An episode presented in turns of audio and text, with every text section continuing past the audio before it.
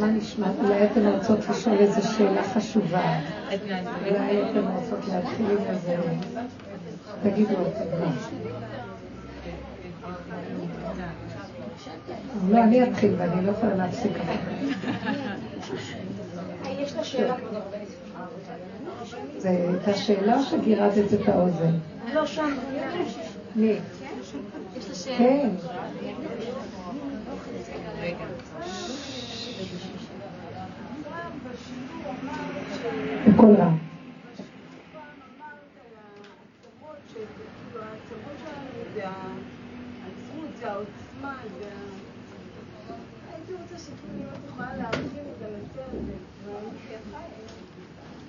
גם שאלה. כן. תגידי. שאלה מתקבלת עם דמעות, ובן אדם שאין לו דמעות, יותר טוב.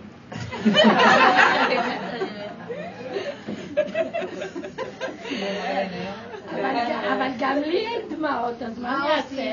לא אני רוצה להתפלל. גם מתפללת, אבל אין לי את העוצמה, אין לי את ה... אז מה, לא מתפללת? סתם באתי? אני הולכת לצדיק, אני הולכת ל... מה? זה גם מה שרצתה לשאול אותנו ברכה משהו, אז אולי זה יצטרף עם השאלות. כן, השאלה היא שאומרים שבן אדם יש לו אורות. מה יש לו? למי יש אורות? למי? יש אורות? עוד לא זאת אומרת שהיא הייתה באיזה מקום היא נדלקה, התלהבה, התרגשה, היה לה הערה מזה, הבנת? אבל את אמרת לנו, די, קטן, קטן, קטן. זהו. אז בואו נשאל על כל הסיפור, כל הדיבור הזה שאמרנו. תראו, בנות יקרות, אני רוצה למקד את- את הדיבור עוד פעם, בעזרת השם שייתן לי דיבורים. ואנחנו בפרשת בראשית, זה פרשת יצירת האדם, בריאת העולם ובריאת האדם. והאדם, הבריאה הזאת של בריאת בראשית, האדם זה חידוש מאוד גדול, בריאת האדם. אנחנו לוקחים את זה מובן מאליו. היו בריאות קודמות, כתוב ככה במדרשים, שהקדוש ברוך הוא היה בורא עולמות ומחריבן. נכון שמעתם את המושגים האלה? לא, לא. מה? אני לא שמעתי. שהיו בריאות קודמות, לפני בריאת בראשית זאת, שאנחנו נמצאים בששת אלפים שנה של אה, בריאות. לפני אדם וחווה? כן, לפני היו עוד היה לפני כן? כן. והבריאות האלה לא היו מחזיקות מעמד, כי לא נברא בהן אדם. נבראו יצורים שונים, אבל לא אדם. לא יד... לנו מושג איזה יצורים, אבל לא היה בריאת אדם. ובריאת האדם זה חידוש מאוד גדול, וזה משמעות מאוד גדולה. כתבו במדרשים השונים, אני לא אתעכב בדיוק איפה, שהאדם, הגל, העקב של האדם היה מכה גלגל חמה. אתם יכולים להבין? האור של העקב שלו היה גורם שהחמה הייתה נהיית חשוכה. כתוב שכשהאדם הראשון נברא והוא עמד, כל הבריאה, היצורים בבריאה, חשבו שהוא השם ורצו להשתחוות לו, ורצו לסגוד לו, כאילו שסוגדים לאלוקים. חשבו שהוא אלוקים. אז הוא אמר להם, לא, אני גם נברא כמוכם, אז בואו אני ואתם נסגוד להשם. ואז הוא לימד אותם לעבוד את האלוקים. כתוב שהמלאכים התקנאו באדם ואמרו לבורא עולם, מה אנוש כי תזכרנו, בן אדם כי תפקדנו. למה המלאכים קינאו בו? מה זה מדרגת האדם? ואם הוא אדם כזה נעלה שרצו להשתחוות לו כי חשבו שאלוקות, למה הוא אמר להם לא? אני רק בן אדם, בואו נעבוד את השם. ולמה המלאכים קינאו באדם כזה? כי אנחנו תמיד אומרים, "אה, מלאך זה נראה לנו מדרגה יותר גבוהה מאדם, נכון? האם אני שואלת שאלות לעניין? כן, גם עונה לעניין. אז אם כן, אני רוצה לעורר אותנו לנקודה, בנות יקרות. בריאת האדם זה מדרגה וחידוש עצום שלא היה בכל הבריאות הקודמות שהקדוש ברוך היה ברא עולמות ומחריבן. אני רוצה רק לסבר את האוזן. אמרו, דבר ציווה לאלף דור, נכון, אשר קראת אברהם ויעתו ליצחק. חיפשו בכל הדורות, בששת אלפים שנה אין אלף דורות, אז לאיזה אלף דורות הוא מתכוון? דבר ציווה לאלף דור. מבריאת העולם עד משה רבנו, שלושת אלפים שנה, היו רק עשרים וחמש, שש דורות. אברהם אבינו, אה, משה רבנו, סליחה, הוא הדור העשרים ושש מבריאת העולמות. אז מקסימום יכולים להגיד יש 775 דורות, 100 דורות בבריאה, אבל אלף דורות מאיפה? אז אמרו במדרש שאלה היו הדורות של היצורים, הבריאות הקודמות, שהשם היה בורא עולמות והם היו רעים והיו מחריבים את העולמות מרוב רוע, כמו סדום ועמורה, שהיו כל כך רעים. וכל הבריאות הראשונות, ב-2500 הראשונה, 2000, עד שבא אברהם אבינו, היה עולמות כל הזמן נחרבים. אבל אמרת שלא היה אדם בעולמות. נכון, אבל הנשמות ש... אז תכף אני רוצה בדיוק להגיד לכם, לא היה אדם. אדם נברא בעולם הזה. אז חכו, אני בדיוק, אני לא רוצה, אני רק עכשיו אה, ערבבתי דברים. האדם שנברא, הוא היה במעלה מדהימה. נגמור את הדיבור הזה ואז אני אחזור למה שאמרתי. ותראו מה שחטא אדם הראשון עשה לו. הבנתם מה אני מדברת? הוא הייתה מעלה שלא הייתה כדוגמתו. אם כן, מה הייתה המעלה שלו? שהוא אמר, בוא נעבוד את האלוקים, הוא לא אלוקה, חס ושלום. הבן אדם לא אלוקה, הוא נברא לא להיות אלוקה. ומצד שני הוא יותר מהמלאכים. הוא כולל בתוכו את הכל. אם המלאכים נבראו ביום שני, וכל האור, כל מה שנברא בבריאה, האור נברא ביום הראשון, האור והחושך היה קודם. אה, והצמחים נבראו ביום השלישי, והחיות ביום הרביעי, השישי. מה, השמש והריח ביום זה כוכבי הלכת וכל כוכבי השמיים, צבא השמיים. ביום החמישי העופות ודגי הים, ביום השישי החיות, והאדם בסוף בסוף נברא. כי כולם היו כוחות פרטיים בבריאה, והוא היה כולל שכלל את כולם. כל הכוחות שנבראו קודם, הוא חתם את הבריאה ובתוכו היה הכל. אז הוא יצור שכולל הכל. והמלאכים כוללים רק את האפשרות שהם מלאכים. הם נבראו ביום שני המלאכים. כתוב שהשם עשה רקיע בתוך השמיים והם גרים בשמיים. אז גם את הנבראים שנקראים מלאכים ביום שני נבראו. נמצא שהאדם הזה כולל את הדברים ההפוכים, לא רק שיש בו את כל הבריאה, כולל שמיים וארץ, אור וחושך, יום ולילה. הכל הוא כולל בתוכו. גם זכר ונקבה. בהתחלה הוא היה אדם שכלל בתוכו זכר ונקבה. אחר כך השם סגר את הצלע והוציא ממנו את הנקבה, אבל הוא היה כלול הכל. טוב ורע. הכל. לא, טוב ורע עוד לא היה אז. עכשיו, האדם המושלם הזה, שאם היינו רק יודעים, יש לי כאבי נפש גדולים על זה, אם היינו יודעים את המעלה שלנו, מי אנחנו, היינו נראים כמו שאנחנו נראים, אתם יודעים מה קרה לנו? אכלנו מעץ הדעת, התלבש עלינו מסך כובע כזה מגעיל, כמו מדוזה.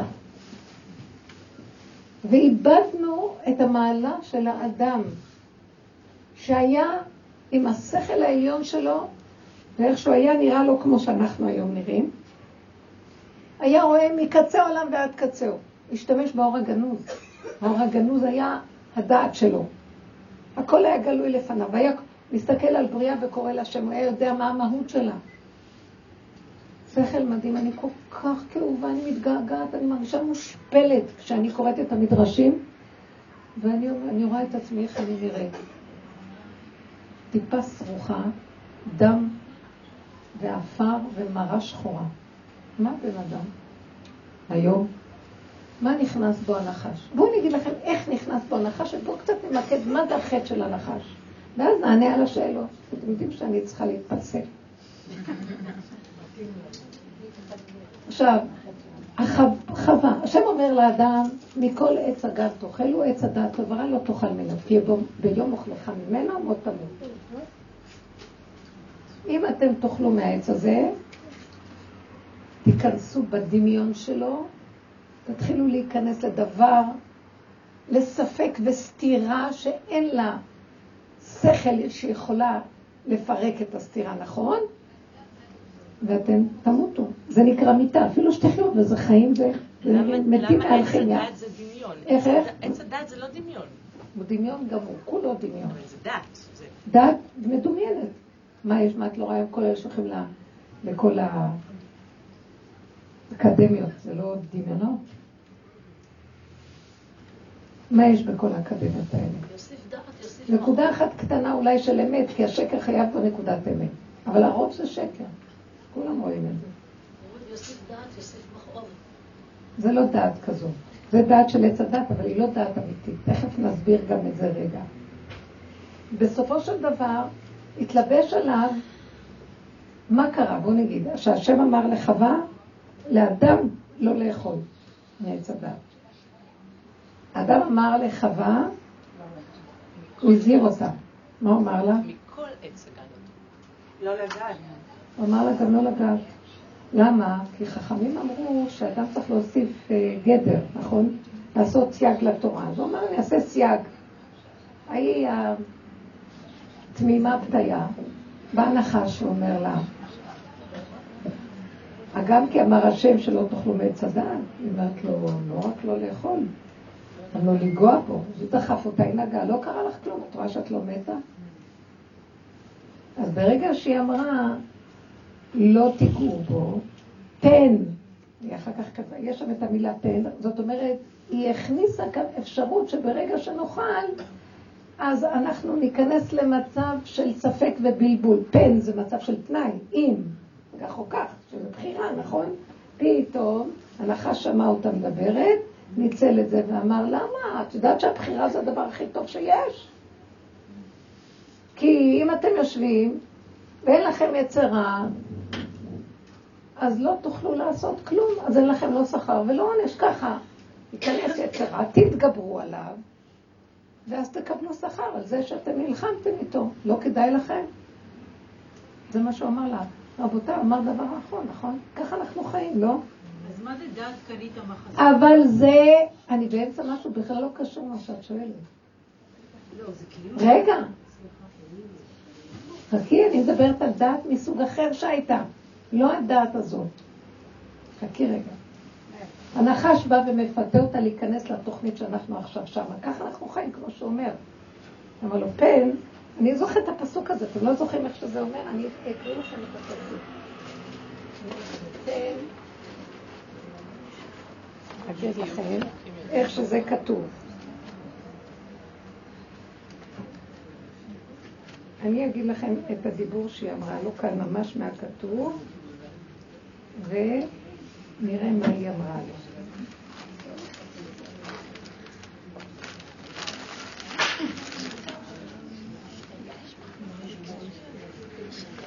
אז ותאמר האישה אל הנחש, מפרי עץ הגן נאכל, ומפרי העץ אשר בתוך הגן אמר אלוקים לא תאכלו ממנו ולא תיגעו בו פן תמותון.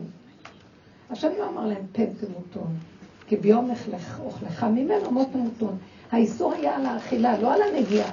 היא הוסיפה את הנגיעה, ורש"י אומר, כל המוסיף גורע. היא הוסיפה על הנגיעה, והוסיפה פן, זאת אומרת שהיא הכניסה את האפשרות שתהיה בחירה, אז הוא קפץ ואמר לה, למה שלא תהיה בחירה? זה הדבר הכי נכון שיהיה לך בחירה, ואז תיאבקי, ואז ייחשב לך מאבק, ואז תקבלי שכר. רבותיי, זה בדיוק מה שאנחנו חיים בו, נכון? אז מה רע בזה? אנחנו כל כך בתרדמת של התכונות האלה, שאנחנו לא יודעים מה רע בזה.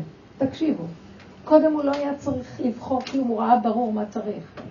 בשביל מה היה צריך להיכנס לבחירה הזאת? ולא רק לבחירה, גם בכל בחירה יש כזה מאבק. הרבה מאבק יש, נכון? אולי ככה, אולי ככה, אולי ככה, אולי ככה, ויש בלבול, כי יש הרבה אפשרויות. קודם לאדם הראשון לא היה שום בלבול, הוא ראה את הדבר, ועל המקום, פום, האסימון ירד והוא ידע הכל. היה צופה מדבר עד סוף הדבר. שמה היה צריך להיכנס לכל הסערה והבלבול? עד שהבן אדם לפעמים בוחר לעשות משהו, אחר כך הוא אומר, מה עשיתי? מצטער, מתחרט, ורשעים מלאי חרטה. מסכן, אין לו חיים. הבן אדם הזה כולו בלבול אחד גדול. הוא הכניס אותנו לבלבול הזה. עכשיו, מאחר ונכנסנו לבלבול, באמת חז"ל אומרים, נכון, בקידושין עכשיו כתוב, ישב אדם ולא עשה עבירה, מעליה עליו הכתוב כי לא עשה מצווה, נחשב לו זה שהוא לא עשה עבירה, כאילו, מה שאמר להם הנחש. אז למה אנחנו חיים ככה? כי אין לנו ברירה. כי עכשיו שאכלנו רק דרך הנחש נוכל לצאת מפה. אז חייבים את הבחירה, וחיים את המאבק, והמצוות של תוסור מרע ועשה טוב, וטמא וטהור, ומותר ואסור, וכשר ופסול, וכל המאבק ביניהם, אין לנו ברירה. אבל ירדנו מהמדרגה שהייתה קודם, תמימות, נקיות, בהירות. עכשיו באה ברכה ואומרת לי, היה לי, כזה, היה איתי במקום והיה לי כזה אורות. ואז אני אומרת לה, הנה עץ הדעת. כי יום אחד יש לה חושך ויום אחד יש לה אורות. נכון שאנחנו חיים ככה? יום האסל ויום באסל. יום אני בשמיים, יום אני בארץ. רגע אחד אני, וואי, מתלהב, רגע אחד אני אומרת לי, מה אני חי? מה יש לעשות פה?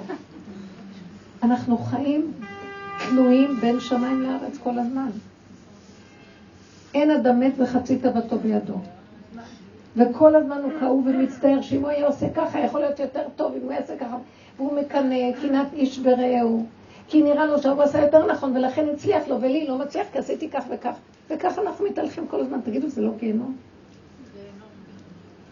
אם היינו רק יכולים להתבונן בראש שלנו באמת, וזה מה שאנחנו מנסים לעשות פה, וזה מאוד קשה. בן אדם בורח כי זה גיהנום בראש שלו, אז הוא בורח מזה, לאן הוא מרחף? והולך לבלות, והולך לעשות שטויות, הכל רק לא, אם רגע הוא היה חוזר, וזה מה שעשינו בעבודה, לחזור, לחפור, לחזור לשורשים, להודות באמת. אנחנו תקועים, אנחנו מבולבלים, אנחנו משוגעים, כל הזמן אנחנו במצב של ספק, כל הזמן אנחנו במצב של התייסרות, כל הזמן אנחנו בביקורות על השני, אז על עצמנו. אנחנו בגיהנום, היינו, רק היינו את הגיהנום רואים, ומתעקשים להתבונן בו ולא לברוח לריחוף, כי אנחנו בריחוף מעריכים את הקץ. כאילו אין לנו כוח להכיל. אז אנחנו בורחים, שותים קפה, סיגריה, בורחים.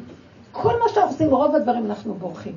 גם שיש לנו תורה ומצוות, שהשם ריחם עלינו אחרי המצב החשוך הזה, אחרי חטא עץ וזכינו לתורה. גם את התורה הכנסנו לתוך הבלגן שלנו. התורה באה מהאור הגנוז. גם היא נפלה בחטא עץ. בשבירה של המעשה העגל. עוד פעם נכנסנו לבלבולים. אז עכשיו אין ברירה. גם עם התורה אנחנו מבולבלים. גם החגים. כמה יש לנו ריבוי. הריבוי עושה ספק, כי יש הרבה אפשרויות, נכון? זה מבלבל. מה נעשה, ל, ל, מה נעשה לסעודה? נעשה את זה ואת זה ואת זה, אולי לא נעשה את זה, לא את זה, את זה עשיתי אתמול, את זה שוב, למה נעשה גם ככה? אני אזמין את ההוא, לא אזמין את ההוא, את זה אני אזמין, למה אלה באו ולא הביאו, וזה כן וזה הוא לא הביאו, ואחד משווה לשני ואחד. אנחנו הולכים למות. הריבוי הזה מתיש אותנו, וכתוצאה מההתשה הזאת, לא יכול האור הגנוז לחזור. יש פסוק בפרשת האזינו, שקראנו לפני שבוע. צור ילדך תשי, ותשכח אל מחולליך. התשת את האלוקים שבתוכך, לכן אין לך קשר איתו. שכחת ממנו. הוא לא יכול להתגלות עליך. אנחנו עבדי עבדים לדמיונות, להרגשות, לריבוי מחשבות, לפעולות ולתפקודיות. ומה שנראה לנו שאנחנו הערות ורוחניות, זה הכל פעולות, זה לא ממש קשר עם השם. אתם יודעים מה זה קשר עם השם? תקשיבו לי. האנשים האמיתיים שחיפשו קשר אמיתי עם השם, עצרו את העולם ואמרו, תעצרו, אנחנו רוצים לרדת. הארי הקדוש היה הולך להתבודד. שישה ימים היה יושב באיזה מקום בצריף על יד הנילוס, בשבת היה חוזר הביתה. רבי שמעון בר יוחאי במערה.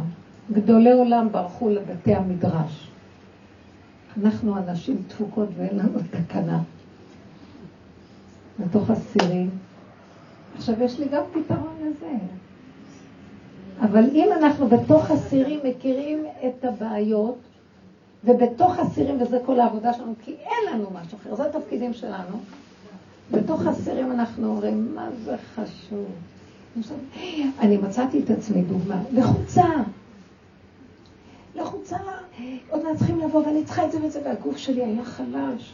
ואז אמרתי, תראי, ורציתי למות, במרכאות, ואמרתי, ריבונו שלום, אני כבר אמרתי לך באלול שאני לא רוצה לחיות, אבל אתה הכרחת אותי לחיות, אז מה אני אעשה? נהייתה שנה חדשה ואני רואה שאני חיה. ואני חייבת להיכנס למדבר. ברוך השם. ברוך השם אמרתי לו, אני מותשת. למה אתה לא שולח לי שתי פיליפינים? למה אתה לא מסדר שהירקות יגיעו לבד?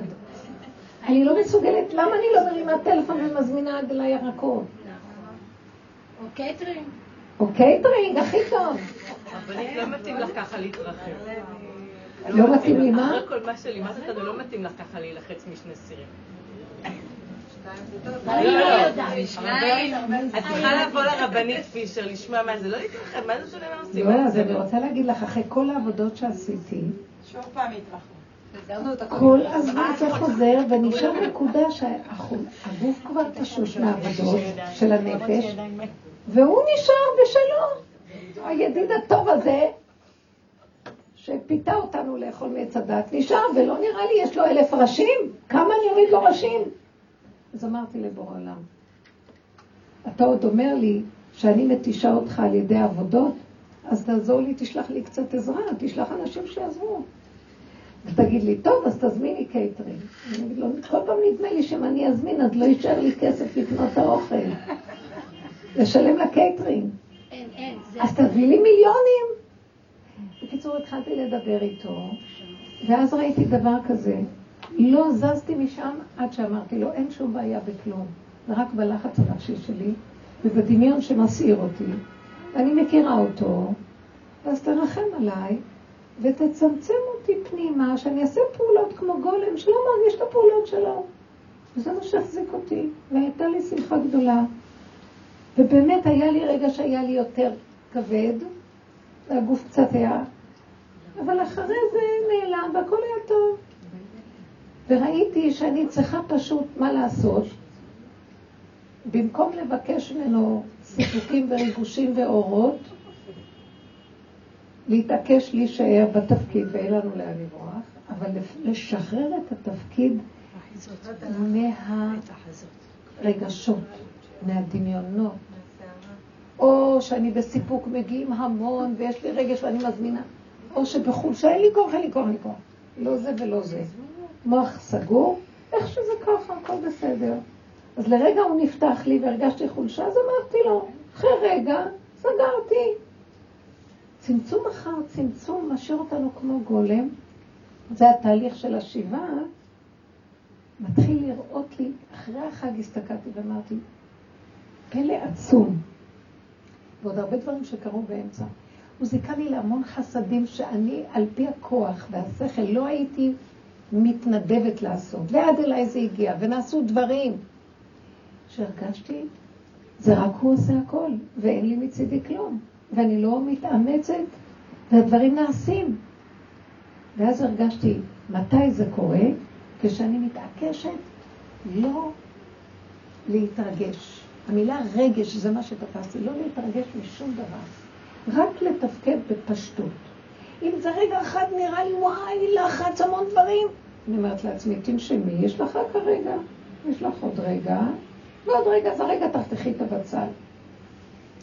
והרגע, עכשיו, אני חותכת את הבצל והמוח שלי שם, ישר עומס. אתם מבינות מה אני מדברת? כי יש כבר שני חלקים. תהיי באחדות עם הפעולה הכי פשוטה שיש. תדעי, יש אורחים, זה תוכנית. חוץ מזה, כרגע את חותכת בצל. כרגע את שמה נושאים. והיו בבית מלא נכדים, והם צועקים. ואז אני אומרת לעצמי, אין כרגע אף אחד לא להגיב. סבתא, סבתות, סבתי, סבתות, סבתא. אין להגיב, כי ברגע שאת עונה להם, משאלה אחת מולידה עוד, וצורך אחד מביא עוד חמש. זה כאילו כל הזמן ראיתי שהמיקוד שלי צריך להיות התמעטות, התקטנות, פשטות, ואז הבנתי את החטא של חווה, ואני רוצה לקשר את זה. היא הוסיפה, תוספת. אז היא גרעה, כל המוסיף גורע. נראה לה, היא עושה חותכת בצבע המחשבות שלה שם. ותוספת. כרגע תהיי כאן ועכשיו תחתכי בטל. שימי בסיר. אחרי שגמרת לעשות את זה, תשימי את החלות. שמת את הקמח, לכי לפה. גמרת את זה, לכי לפה. הילדים ברקע צועקים, אין אף אחד, כי ישר אני רואה מה אני יכולה להועיל להם. אם אני אתן להם תשומת לב והם ירגעו, טוב, אבל הם לא... מה שלא תתני לו, אז הם לא קיימים. אבל תחשבו, זו עבודה לנטרל את הרגש, לנטרל את התגובה, גירוי תגובה, לנטרל את המחשבה, לנטרל את הריבוי, את התוספתות. הקלות לא עזרו לך? הם עזרו. בזכות עליזה. הם עזרו. כל אחד מה שיכלה, גם לא היה אכפת לי. רבותיי, מה שדיברנו, שהיינו מדברים ומספרים, הוצאנו את כל הכאבים כדי לעבוד עליהם, נגמר. משהו נשבר בתוכי. מה נשבר? המוח הזה שחושב שזה צריך לעזור, וההוא צריך זה, ולמה זה לא זה, מרימים את העיניים, מסתכלים למה היא לא כך, והיה צריך לעשות זה, ונפל. אף אחד לא צריך לעשות שום דבר. מה שעושים, איך שזה ככה, זה טוב. אני חותכת בצל, זה הבצל. אני עושה את זה, זה זה. כלה אחת הצטרפה לעזור, תודה. מישהי אחרת הביאה, נהדר. אחרי רגע, לא זכרתי יותר מדי גם להגיד הרבה תודה ויותר מדי, כי זה הכל איך שזה ככה, הבנתם? מה אני רוצה לומר? אנחנו, אני התחלתי לומר, איך איבדנו את המעלה של אדם הראשון? אנחנו מגושמים, אנחנו טיפשים, אנחנו סוערים, בוערים במחשבות, ריבוי מחשבות, ברגשות, צרת רגשות, בפעולות, אין סוף תפקודיות, כמו חולים מסוממים, עכברים מסוממים, רוב פעולות, אין רגע מנוחה.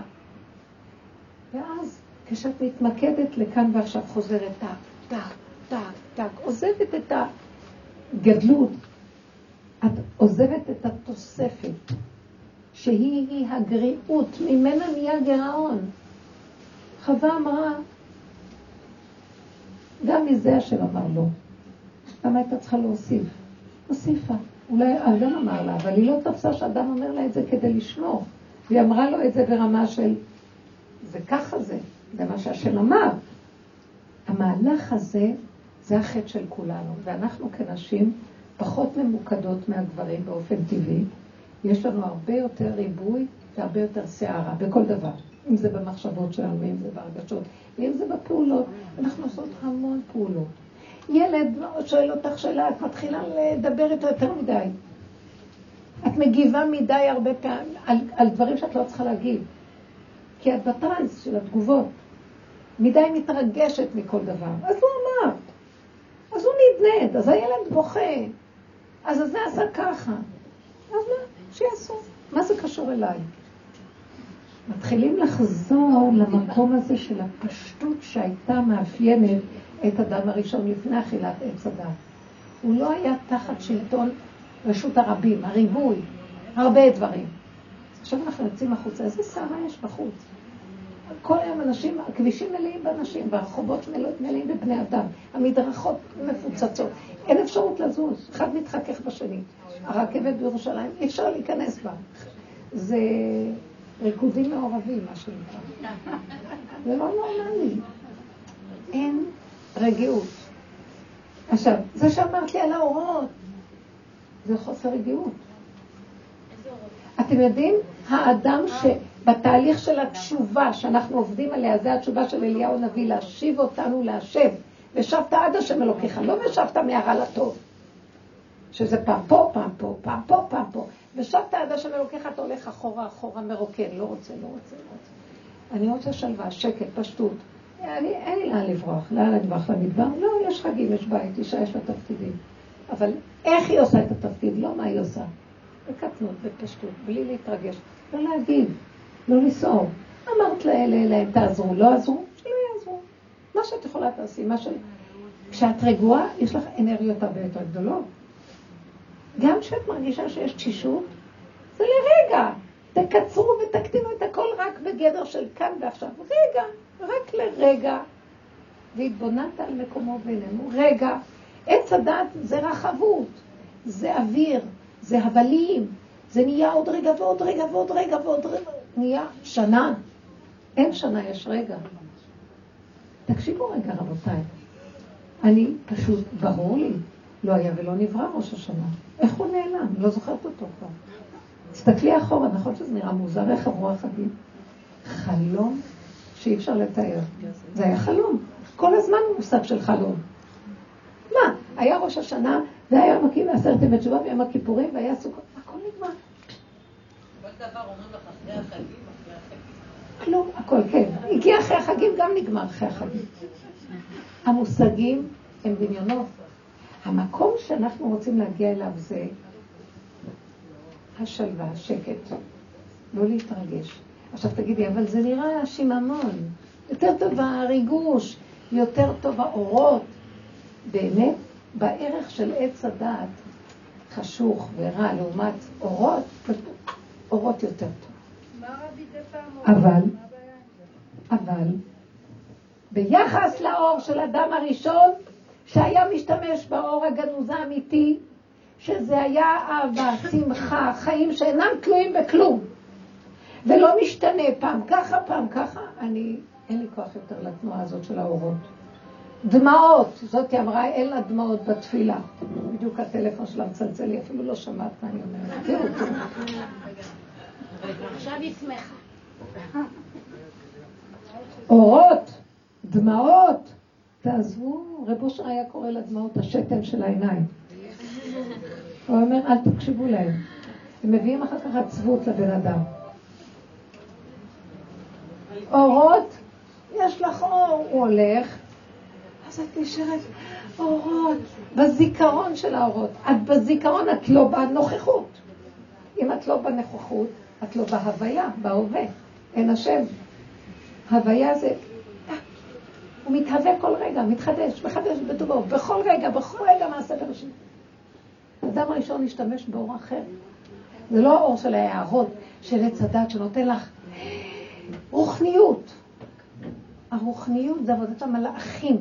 אבל האדם היה במדרגה יותר מהמלאכים. אתם קולטות מה אני מדברת? אתם יודעים מה זה האדם? מלאכים התקנאו בו, רצו לשרוף אותו, התרגו עליו.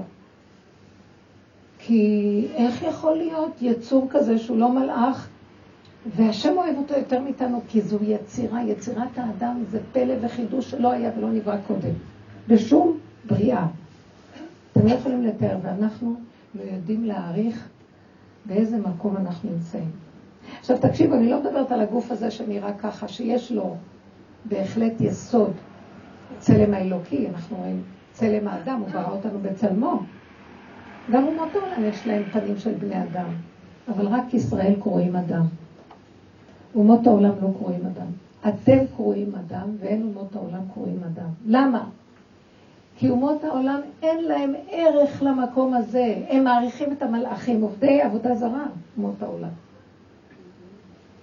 הנוצרים, הם עובדים את המלאכים, ויש להם צלם של אדם. יש להם גם פנים יפות, כמו מלאכים, אבל מדרגת האדם היא יותר מהם. מי זה היה מהתנאים שאמרה לו איזה פנים מכוערות יש לך? נכון? אה, שזה היה רבי אליעזר, פגש, איך? כן, כי אדם עם צלם יכול להיות צלם הכי גבוה ופנים מכוערות, זה לא אומר. זה אור אחר. אנחנו הולכים אחרי דברים אחרים בתודעה של עץ הדת. כל הדוגמניות והיפות למיניהן. העבודה שלנו היא איך לחזור עוד פעם למדרגת האדם הזה, לגוע פה קצת בתוכנו.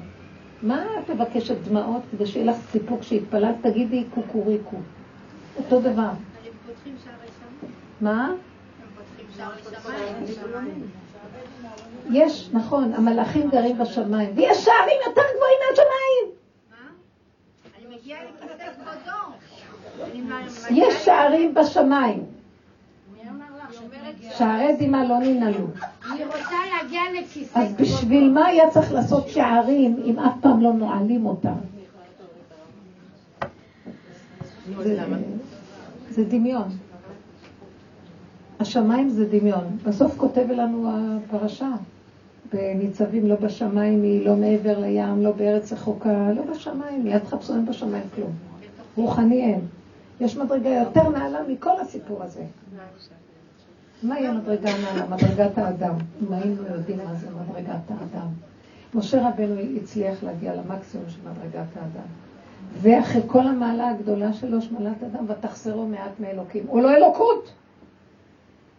אסור להשתחררות לבן אדם. אומות העולם לוקחים אדם, עושים ממנו אלילות. אתם לא יודעים מה זה מדרגת האדם. זה סינתזה מיוחדת שמכילה הפכים, שהיא מעבר ליצור נברא והיא לא אלוקות. זה חידוש מאוד גדול, אתם לא קולטים. גם אני בקושי קולט מה אני אומרת, אבל אני מבינה את זה, ואני קראתי את הדברים האלה בזוהר הקדוש, במדרשים, בכל מיני מקומות, שזה פלא עצום. ואף פעם לא הבנתי את זה. העבודה הזאת הביאה אותי להכיר בערך. העבודה הזאת ריסקה אותי. מה היא ריסקה אותי? העבודה הזאת, שנים שאנחנו עושים, ריסקה לי את הדמיון של עץ הדת. היא הולכת ומרסקת. ומה נשאר? כלום. ומהכלום הזה אני פתאום מכירה. אי אפשר לחזור למדרגת אדם הראשון בלי להגיע לכלום הזה. כי התלבש על המדרגה של אדם, על. בין אדם הראשון לבין הנחש יש פער, כמו מדבר, בין מצרים לארץ ישראל צריכים לעבור את המדבר. המדבר הזה חייבים לעבור אותו. ורק דרך המדבר נוכל להגיע לארץ ישראל.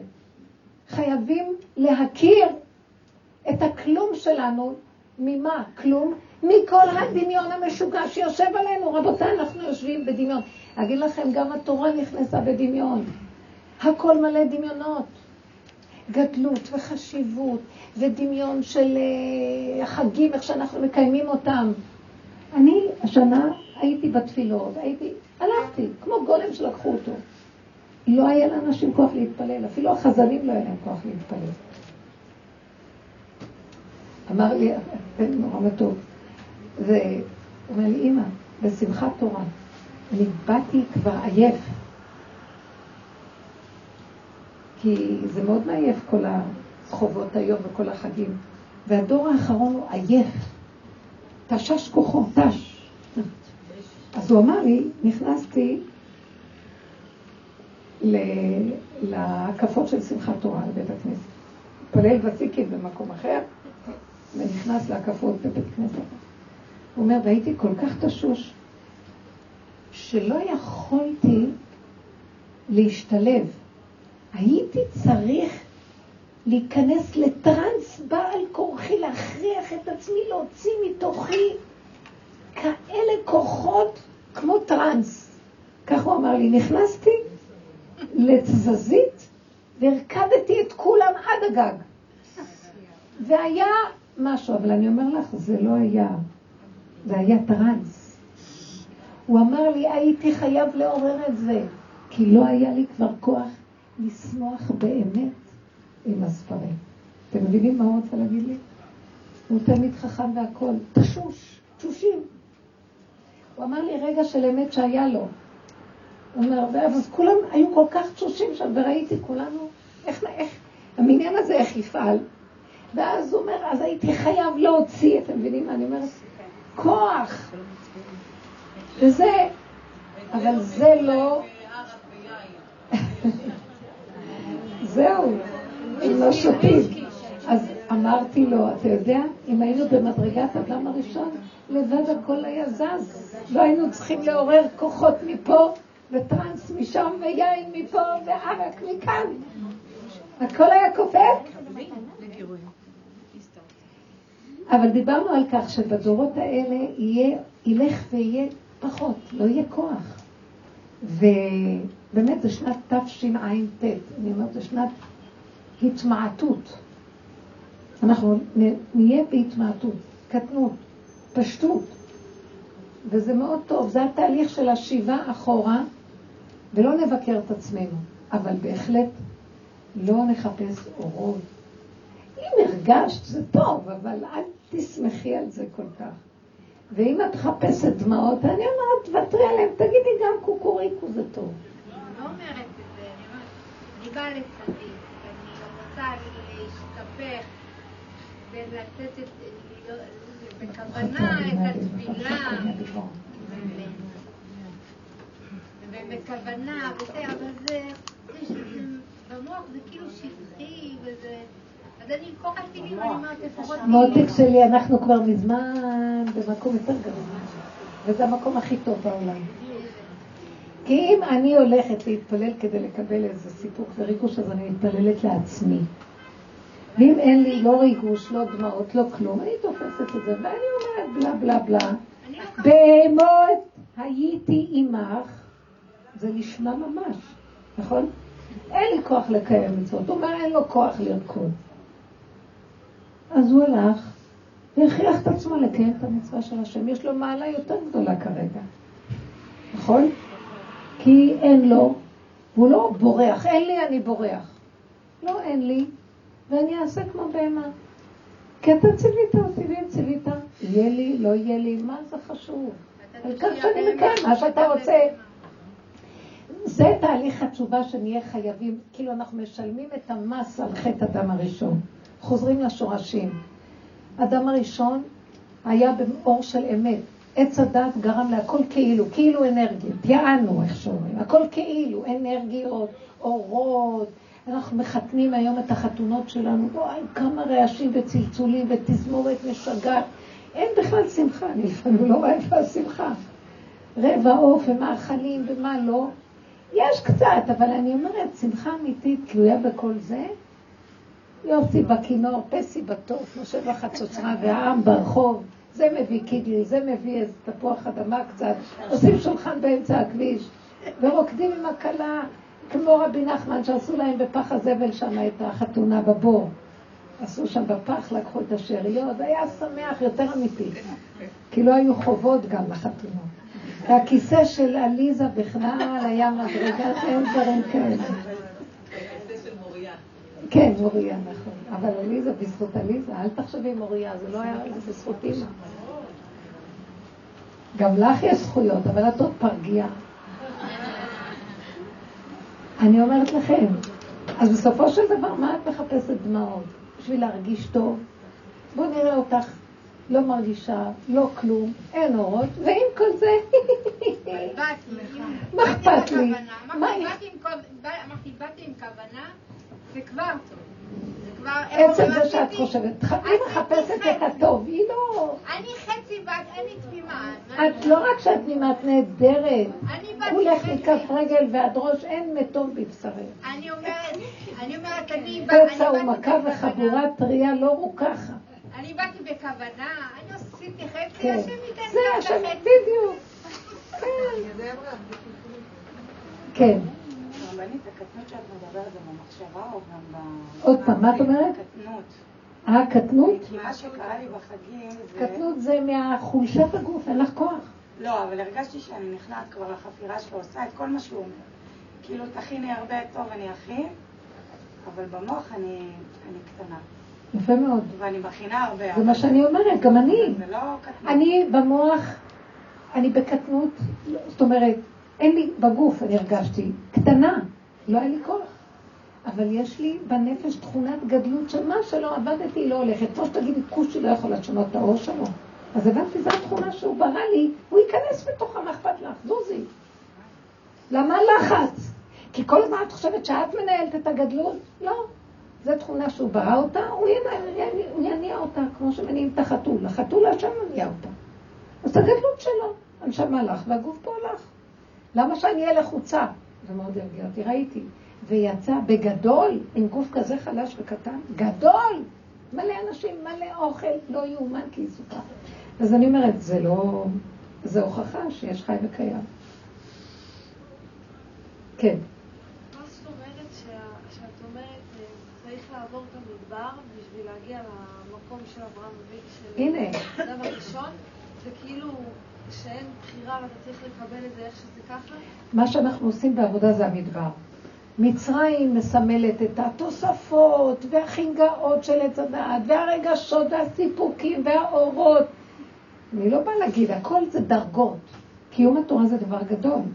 אבל יש בה הרבה תוספות שכבר נהיה. והיא כבר קשה על הבני אדם, כבד לנו, אין לנו כוח להכיל את כל הגדלות שאנחנו יצרנו אותה גם. גיהנום, אנחנו בראנו אותו ולא יכולים לצאת ממנו. אז באיזשהו מקום זה, אנחנו אומרים, אבל זה לא מה שהתורה מחייבת אותנו. אנחנו, יצ... התורה מחייבת פרו ורבו, זכר ונקבה. אבל אנחנו רוצים הרבה ילדים, גם לא יכולים להכיל אותם. התורה אומרת שבעת ימים תחגגו. חייב להיות ארבע מנות בכל סעודה. חייב להיות אה, צלחות כאלה יפות ולקנות אותן בחנותאים, פפיונים וכל... וחי סלטים וכל הדברים האלה, זה קשה. בן אדם אין לו כבר את הכוחות, המוח שלו גדול, ורצונות גדולים, וכוחות לא. שנה הבאה תתארחי. שמה? שנה הבאה תתארחי את אצלם. לא. כן? לא יוצא. אני עשיתי ככה. חמודה. את מדהימה. כן.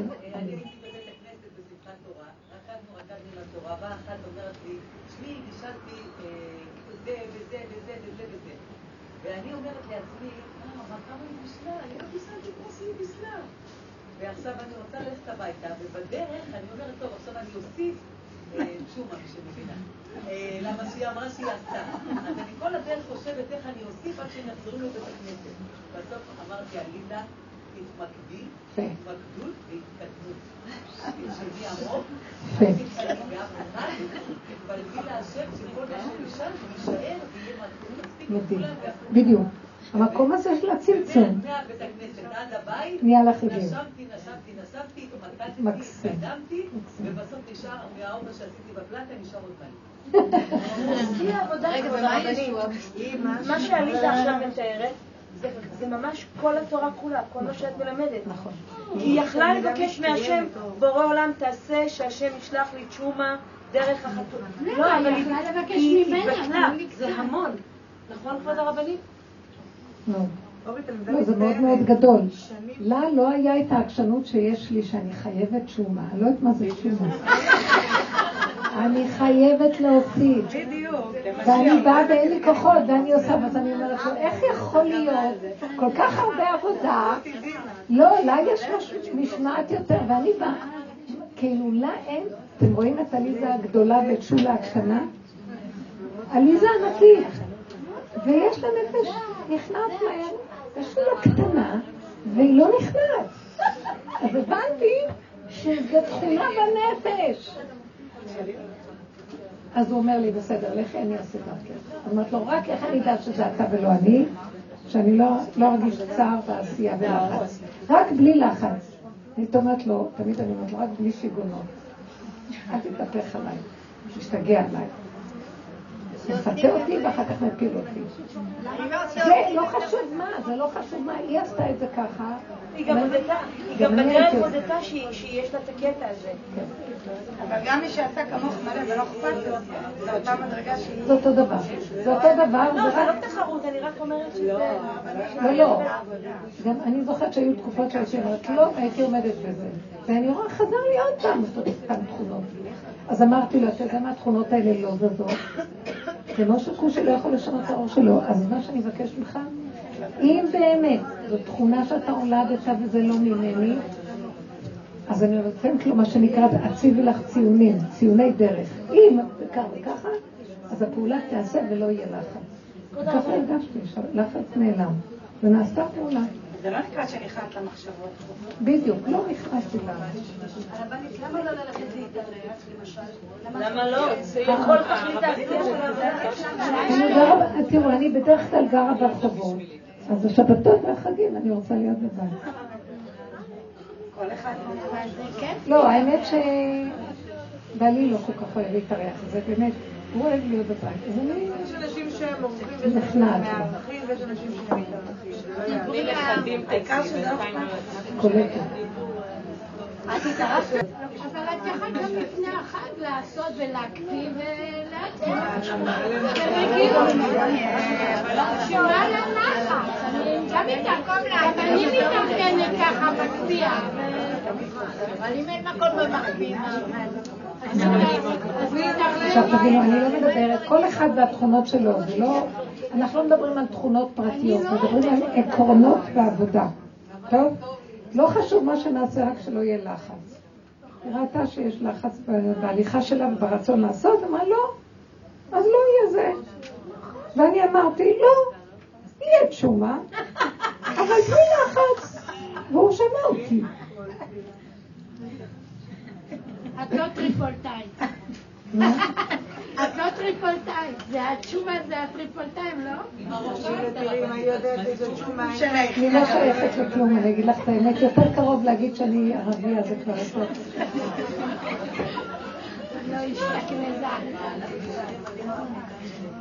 כן. רגע, בוא נחזור לריכוז. כן. הפוקוס שאנחנו צריכים לעשות רק דבר אחד, ברגע שאתן רואות את עצמכן סוערות או מתרגשות, אם זה מהערה, או למה אין לי דמעות, או אני רוצה לבשל, או כל דבר שמביא סערה או לחץ, זה סימן שיצאנו מהרגע. כי הרגע נגזר מהמילה רגיעות. אם את לא רגועה, שינוי. אבל אם אני... את יוצאת מהרגע. אז עבודתך היא. עבודתך היא להיכנס לרגיעות. אז תוותרי על הכל, העיקר שיהיה רגיעות. או שאל תוותרי, אבל שתהיה רגיעות. אל תוותרי על הרגיעות, בקיצור. איך? על הרגיעות אל תוותרי. על הרגיעות אל תוותרי. על הרגע, להיות כאן ועכשיו. זה הצמצום שמחזיר אותך ללא תוסיפו ולא תגרו. מה, ש, מה שהחווה עשתה, הוסיפה. כל, כל עץ אדם זה התוספת. תוספות ומותרות. אנחנו טובעים בים של מותרות. כן. שאלה לי כאן הרבנית. קראתי באיזשהו מקום שרבי יושר אמר שהוא ממש יצא נגד העניין של העצלנות. הוא ראה בזה דבר מזעזע מבחינתו, חמור.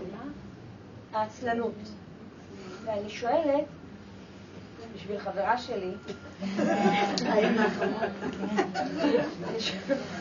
אני שואלת אני רוצה להיות, עכשיו, אני רצינית. בנות, מדברים כאן תוך כדי הדיבור וזה מפריע. תקשיבו. אני רוצה להיות אדם טוב יותר, לא מהמקום של הגדלות, מתוך הצורך שקיים. כן, כן, אנחנו רוצים להגיע לתכלית, זה בסדר לרצות. אז זהו, שפה... אני תקועה ברצון, כבוד הרבנית. אה, את יודעת, פעם מישהו אמר, כל אחד עושה כמיטב יכולתו. באיזשהו מקום, זה כמיטב יכולתי. אני מאוד כנה. מה מיטב יכולתך? המצב הקיים. לא, זה לא נכון. שכל, מה שאמר אותו אחד, שכל אחד עושה כמיטב יכולתו, זה לא נכון. אנחנו באנו לשיעורים וגילינו שיש לנו הרבה דברים רדומים שאנחנו לא מודעים, שאנחנו בכלל לא ידענו שאנחנו כאלה. והדרך מביאה אותנו לתודעה של הכרה, של הפגם. מה זה הפגם? תראי איך את נראית. שבהתחלה לא חשבנו. כי אנחנו מרחפים בדמיונות על עצמנו, מקסימום על השני אנחנו מוכנים אה, להפיל איזה ביקורת, ו... אבל על עצמנו. אז הביקורת שהפלנו על השני מתחילה להיות ביקורת עצמית שלנו. וכל דבר שאני באה להגיד לשני, אני שאת אומרת לעצמי, ישר המנגנון אומר לי, ואת? את בסדר? ואת? כל רגע שאני באה להגיד משהו, ישר הוא מחפש את עצמו. והפנס הזה, שבמקום שיהיה מופנה החוצה, חוזר לעצמו, זה אחת מהמעלות הגדולות ביותר שכאן בעבודה זכינו לקבל. שאני מתחילה מהבחוץ, כי אין אדם רואה נגעי עצמו, בחוץ מראה לו את הנגעים, אבל במקום שאני אפול על השני, אני אומרת, רגע, רגע, רק יש תקני על מישהו אחר, תבדקי את עצמך, את יותר טוב, תהיי אמיתית.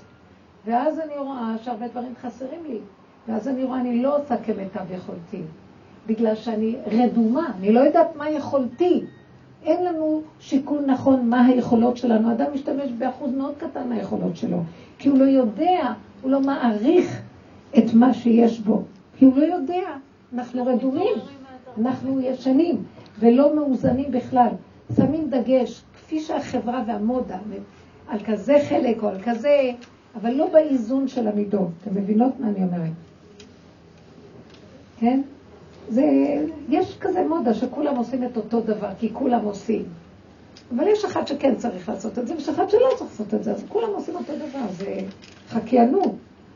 אז הוא לא עושה כמיטב יכולתו. אז לכן כן צריך להתבונן ולראות אם הבן אדם עושה כמיטב יכולתו.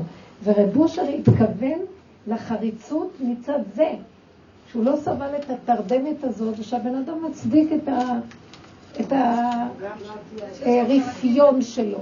והוא עורר אותנו כל הזמן להיות דרוכים, אה, אוחזים ברגע, זריזים. למשל. למשל, איך מתעוררים? איך מתעוררים? עוד פעם לרצות להיות מושלמים. לא, זה לא עניין של לרצות להיות משהו אחר, זה פשוט להסכים להכיר את הפגם. הפגם שלי זה שנוח לי כל אדם מה הוא, לא שלי משהו אחר, של מישהו משהו אחר. הפגם של מישהו זה נוח לו להגיד, אה, מה צריך את זה, אה, מה צריך את זה, אה, לא צריך את זה. נגיד לנקות, סתם דוגמא. תלוי מה הבן אדם, אנחנו עבדנו על זה הרבה, זה כבר, אנחנו לא נוגעים בנקודות האלה כבר, אבל הרבה פעמים מסתכלים, שנתבונן מה התוואים שלנו ומה חוזר על עצמו שוב ושוב. נכון? אתם זוכרות שעבדנו על זה הרבה? כן. אז בסופו של דבר אדם רואה שיש לו נטייה להפקרות מסוימת. ורב אושר היה אומר, מה שכתוב בגמרא, עבדה בהפקרה ניחא, לנוח לו בהפקרות לבן אדם. נוח לו להיות רפוי. אז עבודתנו היא להתעורר מהרפיון, ואיפה שאפשר להושיט יד ולעשות פעולות. עד שנגיע למקום של תשישות שאי אפשר לעשות יותר פעולות. אז את יודעת שהתשת את המערכות, אז זה בסדר. עכשיו הוא ייכנס ויזיז אותך. אבל עד שלא הוא נכנס, את צריכה לעשות הכל לא להיות עצלה. וזה המידות שדיברו עליהם החכמים, מסילת ישרים, המשנה של פנחס בן יאיר, זריזות, חריצות, זה כל מה שכתוב שם. איך? לעצור. לא. לא זה יכול להיות, לא כל אחד, גם אני רוצה להגיד לכם, יכול להיות איזה שאת- יפה שאת מכוונת אליי ואת מסתכלת לשם שאני לא איעלב. כמה דידקטיקה מתוקה יש בכבוד הרבנים. אני שרופה עליי. מתוקה שלי, ויכול להיות שאת דנה את עצמך, שזה כבר פסה. אנחנו כבר לא דנים לא, לא, זה לא, ומבקרים. לא, לא, לא, המצב אה, צריך... אה, אורו, תגידי את המשפט שלך, אורו ישנים. אז רגע, בואו נראה. לא, לא, לפעמים אני אומרת, מה שהרב אושר דיבר לפני 40 שנה ואני לפני 20 שנה פה, לא יודעת, כבר היום אולי לא צריך לעבוד על זה. לא, הוא דיבר על תני. לי דוגמה ונראה. למשל, הוא דיבר על זה שהוא דרש שלא לישון הרבה בלילה. כאילו, הוא אמר לקום מוקדם. לגברים. לא. אי אפשר, אי אפשר. זה נשמע כאילו אני יפת לא, לא, נפש, לא. אני אגיד לכם משהו. שרב אושר אף פעם לא אמר דבר אחד, ועכשיו כולם יעשו מה שהוא אמר. רב אושר היה איש אמת, והוא דיבר כבר מצד נקודת האמת שבדבר. נקודת האמת כל רגע היא מתחדשת, ומה שאתה אומר לזה, זה לא תמיד מתאים לזה. וברגע זה שאמרת לזה, הרגע הבא זה לא יתאים לו. ככה עבד רב אושר, ואתם טועים שכותבים את הדברים בספר, זה כבר טעות. כי הוא לא, אני גם בש, בשיעורים לא מספרת סיפורים עליו. אני מדברת עקרונות בעבודה. שמתם לב לשיעורים האלה? מדי פעם משהו הכריח אותי להתחיל להגיד קצת את השם שלו ודוגמאות. כי אני לא רוצה לתת מקום לדמויות. אנחנו כאן עובדים כמו בית ספר לעבודה. עקרונות של עבודה. עכשיו, העיקרון טוב בכל מקום, בכל זמן. אבל מה שהוא אמר, מישהי הייתה יוצאת, ואני חיכיתי בחוץ, ואמרתי לה, מה הוא אמר לך? אז היא אמרה לי מה הוא אמר לה. והרגע הראשון היה, גם אני, גם אני. ואחרי רגע הקול שחזר אליי אמר לי, זה היה מדובר אליה, לך זה לא מתאים. זאת האמת. זהו, לא כל אחד. אוקיי, אין בעיה. בוא נגיד בן אז אדם... כשאתם קוראים את הספרים האלה שמישהו כתב עליו, שכותב בעצמו סיפורי צדיקים, אתם צריכים מאוד להיזהר. הוא לא כתב ספרים בעצמו, כי אנשי אמת לא יכולים לכתוב ספרים. אחרים יכתבו עליהם, אז כבר זה לא יהיה זה בדיוק. כי ככה זה האמת, היא נעדרת. כל רגע היא נעלמת ומתהווה. נעלמת ומתהווה. וכל המסר שלנו זה יאללה, לא צריך ספרים, תסגרו את הספריות, תחיו, תהיו נכוחות, הרגע. הרגע. מה שהרגע הקודם, הניסיון שהבא אחריו הוא משהו אחר. דבר אחד שווה לכולם, תתחדשי הרגע. ואז תדעי מה צריכה לעשות ברגע הזה, מה צריכה לעשות ברגע הזה. ולא כל כך נכון שאת עצלה. יכול להיות שכן. אני רק אומרת שכבר המסקנה לא חייבת להיות זה. יכול להיות שאת תגיעי למקום ותאמרי, תקשיב, בורא עולם, אני מדברת איתו. הנה התכונות שלי. אנחנו דור של תשישות. עכשיו, הדור החדש שבא, לא עשו עבודות כמונו. הם משלימים עם עצמם באופן מזעזע. הם לא רוצים אפילו להיות במדרגות. אני אומרת לילד הקטן, תהיה צדיק, אם תעשה ככה, אומר לי, אני לא רוצה להיות צדיק. מה תעשי לי? אתם יודעים למה? הוא במדרגה יותר ממני, הוא רוצה להיות בן אדם, ואני עוד רוצה שיהיה צדיק. אני עוד רוצה את החיובי. עכשיו אני עוד אומרת לו, כאילו, הוא קטן, שיתחיל במדרגות. הוא אומר לי, כבר לא צריך מדרגות, אני רוצה ישר להיות בן אדם. בן אדם, הכוונה, איך שאני ככה, זה מה שאני, אני לא, אני לא אבקר את השני, ולא אכעס על השני, וגם לא יכעסו עליי, כי ככה וזהו, הדור החדש בא, רוצה להתלבש איך שהוא רוצה, ואת אומרת לו, זה לא צנוע, כי ככה. אתם מבינים? ויש להם משהו של אמת יותר מאיתנו, כי הם אומרים, נתלבש ככה, נתלבש ככה, זה לא חשוב כלום, למה אתה מסתכל עליי? אל תסתכל וזהו. ככה וזהו. זה שאתה מסתכל עליי ורוצה שאני אעשה מה שכתוב ומה שצריך, זה לא אמת. האמת שכרגע הלב שלי גדול עליי, יצר, אני לא יכולה להתגבר עליו, וככה זה בסדר, זהו. השלמתי עם עצמי, תשלימי איתי, שאחד ישלים עם השני, ולא נבקר ולא נרצה ככה, ולא ככה וכן ככה מפני ככה. נשאיר אותם ככה? ונשאיר ככה. למשל, יש לי נכס אה, בן שבע, כל פעם בלי כיפה. אם כל רגע שאת מדביקה לו בחזרה את הכיפה, הוא יוריד אותה. ברגע שאת מתעלמת, ייכנס הכוח שיעזור לו, ומה שצריך להיות הוא שיהיה ויהיה. וגם זה תדעי לך כבר, הכל יתחיל להתפרק עוד מעט. זה לא מחייב המציאות. יכול להיות שיש זקן בלי יהודי ויש יהודי בלי זקן. יש כזה דבר, ויש יהודי עם כיפה ויש כיפה בלי יהודי. אני לא יודעת כבר. אני לא באה להגיד, אנחנו רוצים לחנך את הילדים. אבל אם זה הולך בחלק, אם אנחנו רבים ונהיה כעס ונהיה זה וזה, זה לא טוב. רגע, אז איך זה מסתדר, נגיד הנקודה, שאיך שאני ככה זה בסדר, לבין הנקודה שאתה צריך, יש נקודות מסוימות שאתה צריך לשאול. הבן אדם יודע. יש רגע שאת תדעי, וזה יכול להיות גם רגע אחד, ואחר כך תגידי, אני כבר לא יודעת. תהיו, תתחדשו עם הרגע. יש רגע שאני אומרת לעצמי, את בהפקרות. ואחרי רגע אני אומרת לעצמי, אני באמת בתשישות, בדרך הזאת מביאה, בייחוד לאחרונה אני מרגישה, ואני אומרת לו, אבל אני בהפקרות אליך. אני לא אעבוד עכשיו על עצמי, כי יש לי עוד איזה אגו שיעבוד על ההפקרות שלו, והוא יהיה לא מופקר. אתה יודע מה, ריבונו שלום, אתה רואה את ההפקרות שלי? במקום שיהיה את ההפקרות לעולם, היא הפקרות אליך. אין לך דבר יותר גדול, אז הולדת אותי עם הפקרות. רק שההפקרות תהיה שלך, הולדת אותי בלי צניעות. אבל הצניעות אליך, חוסר צניעות שלי אליך. אני ערום לפניך. אני עצל מול העולם אליך. חושבת שאכפת לבורא עולם תהיה חרוצה או לא? המידות הן מול העולם, מול בורא עולם, את כלום אחד גדול, והוא רוצה את הכלום שלך כדי להיכנס בך. זה משהו אחר לגמרי מכל הדורות, רבותיי. אני מדברת דברים עמוקים, ואני מרשה לעצמי לדבר, שהרבה פעמים פחדתי לדבר, אבל פה כבר אנחנו במקום שאפשר לדבר ותבינו נכון.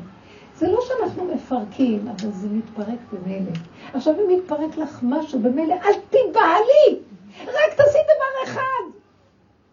תדברי להשם ותגידי לו, אתה רואה? אתה רואה את הגריעות הזאת? אבל היא כולה שלך. אין לי כבר כוח לשנות אותה למשהו אחר, ומהרע לטוב, ומהטוב עוד פעם נופל לרע. אני לא יכול יותר, אין לנו כבר כוח. אתה רואה איך שאנחנו? אבל אתה יודע מה ההבדל? קודם היינו ככה מול העולם, ואז היה פחד שנקלקל. עכשיו אנחנו כל כך תשושים אליך. אני, אם אנחנו נתוודה את הפגם אליו, בהמות הייתי עמך. חטאתי נגדי ואליך. כל דבר שלנו, אליך. אם אני חיה עם הפגם אליו, סוף הדרך. בגלל זה הרשתי לעצמי להגיד לו, הגדלות שלי, אני לא אוותר, אני אעשה... אעשה את האוכל הזה, ואני אזמין. אתה יודע מה הריבונו שלו? אתה רוצה, תרסק אותי, תהרוג אותי, אני לא יכולה אחרת. אני עומדת מולך. אתה מוכן להיכנס בגדלות ולסדר את הפגם שלי, כי אני לא יכולה לעבוד עליו יותר. גם אם תרצה שאני אעבוד עליו, אני לא מוכנה יותר. תחיש את הגאולה, כבר אין לי כוח לעשות עבודות, אין עבודות יותר. כשיגמרו עבודות, סימן שמגיע שבת, אין עבודות. כנסו לשבת. תדליקו נרות, כנסו לשבת. כנסו, אני מסכימה לפגם שלי, מסכימה לדפיקות שלי. אני מדברת אלייך. אורי ואישי, את נהדרת. עבדת המון. יש נקודות שתתחילי, ונגענו בזה הרבה פעמים בדרך, תתחילי להגיע למקום של, תרגישי את התשישות שלך, ותגידי, אני לא יכולה להשתנות. אתם יודעים משהו? אני אגיד לכם עוד חידוש. הרצון להשתנות נובע מעץ הדעת, שהוא חושב שהוא יכול להיות כאלוקים, רק אם זה ככה, זה ככה, והתורה אומרת, כי גם התורה התלבשה בעץ הדעת. היא אומרת, נכון? כל עוד אתה יכול תעשה, כל עוד הנר דולק זה. אני אומרת לו, רבותיי, השם, אני אומרת לו, השם, השם הקדוש, עוד מעט הנר נכפה כבר, הנר לא דולק כבר, מה נעשה? ונשארתי אותו דבר, כאילו לא עשיתי שום עבודה. אז הוא אומר לי, אף פעם לא תשתני, רק יהיה דבר אחד. כל כך תתעייפי, שרק תגידי לי, אבא, אין לי כוח. זהו, זה כמו היולדת. היא עושה תרגילים, היא עושה נשימות, היא קוראת את הפתקאות, היא אה, צדיקה על כל החולים, הכל עד שמגיע איזה רגע ושהיא אמרת לו, אין לי כוח לכלום, לא מסוגלת, לא זוכרת את מי לברך ולא לא רואה ממילימטר אף אחד. זהו. עכשיו היא אומרת לו, תעשה איתי מה שאתה רוצה, נכון? זה הרגע הזה, אנחנו במקום הזה, עוד מעט תשתמשו ברגע. הרבנית צריכה לסיים באופן אה, כן? באופן בהול. כבוד הרבנית, אני אעזור לך לסיים, אני אעשה לך closure. את הבאת אותי למקום הזה, אבל הילדה מאחרת לבית ספר, אני מאוד כנה. אז אני אגיד לכם משהו, אם מאחרת לבית ספר יש גם איזה מקום שתפקירי את החרדה שלך עליה להשם ותגידי לו שיהיה מה שיהיה, אני לא יכולה להילחם במקום זה. תתגלה ותעשה לי ישועה. תקשיב. תודה רבנית, אני אוהבת אותך. תודה, חג שמח.